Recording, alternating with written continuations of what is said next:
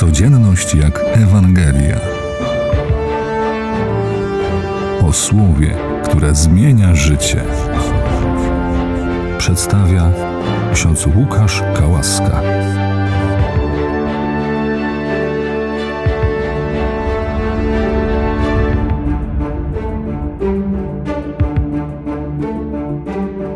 Ta Ewangelia drugiego tygodnia Wielkiego Postu jest Ewangelią wykorzystywaną w tym roku przez y, papieża Franciszka do tego, żeby powiedzieć swoje orędzie.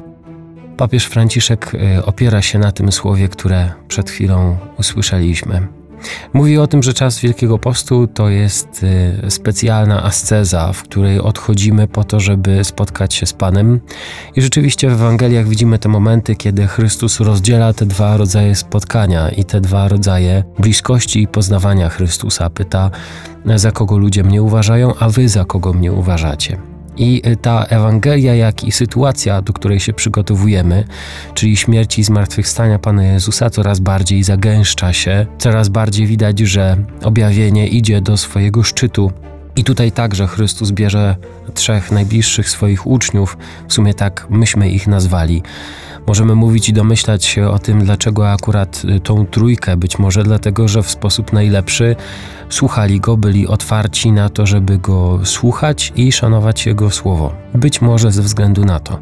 Wybrał tą trójkę, ograniczył tą ilość uczniów przy sobie i y, odsunął się razem z nimi, wprowadzając ich osobno, tak jak my e, odchodzimy w trakcie tych rekolekcji wielkopostnych e, od naszej przeciętności i od próżnego działania, tak mówi papież Franciszek.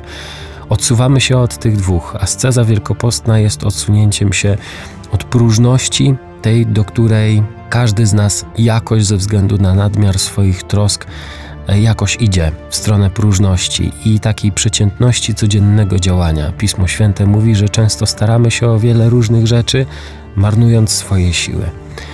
I Chrystus daje nam dzisiaj tą Ewangelię właśnie też po to, żebyśmy zdecydowali się na takie odsunięcie, odsunięcie wielkopostne, tak żeby osobiście doświadczyć e, Chrystusa, tak mocno się zbliżyć do Niego, aby to nas e, wzmocniło, aby to nam dało siłę do tego, żeby iść za Chrystusem drogą krzyżową, razem z Nim, to znaczy w te wszystkie różne sytuacje naszych bezsilności, tak aby w tych bezsilnościach Bóg się mógł objawiać. A żeby to się działo, potrzebujemy takich osobistych spotkań z Chrystusem. Na próżno jest nam szukać innych, nowych metod poza modlitwą i słowem. Tak mówi święty Hieronim.